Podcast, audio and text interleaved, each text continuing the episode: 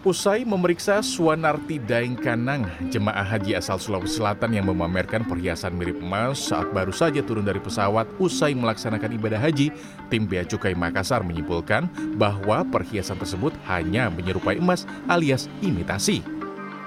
Adapun nilai perhiasan yang digunakan oleh Suwanarti adalah Rp900.000. Sehingga tim Bea Cukai Makassar pun menyimpulkan tak ada pelanggaran kepabeanan yang dilakukan Suwanarti.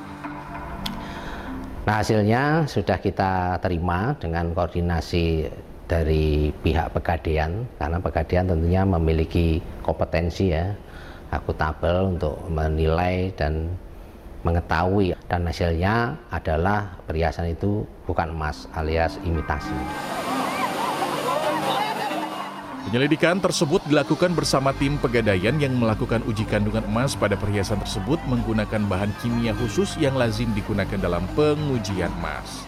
Jadi sebenarnya barang itu Pak, kalau kita lihat secara kasat mata saja, dia memang sudah bukan emas. Hmm. Nah, pihak Becukai pun sebenarnya tahu bahwa itu bukan emas, tapi mereka minta second opinion lah yang menguatkan Sementara bagian fatwa Majelis Ulama Sulawesi Selatan menyebut perilaku memamerkan perhiasan setelah menunaikan ibadah haji justru menodai ibadah haji.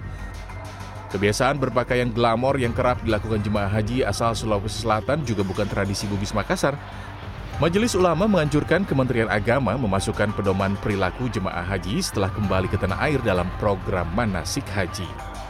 Sementara ini baru pulang dari haji melaksanakan ibadah, justru ini menodai ibadahnya. Ya menodai ibadahnya itu. Bukan bukan merusak hajinya tapi menodai ibadah. Ya kemudian eh, dari satu sisi juga sesungguhnya ini menyalahi adat ini. Adat Bugis Makassar. Sebenarnya tidak ada tradisi bukan tradisi. Sebelumnya, aksi jemaah haji yang memamerkan perhiasan emas 180 gram usai pulang dari Tanah Suci menjadi viral di media sosial.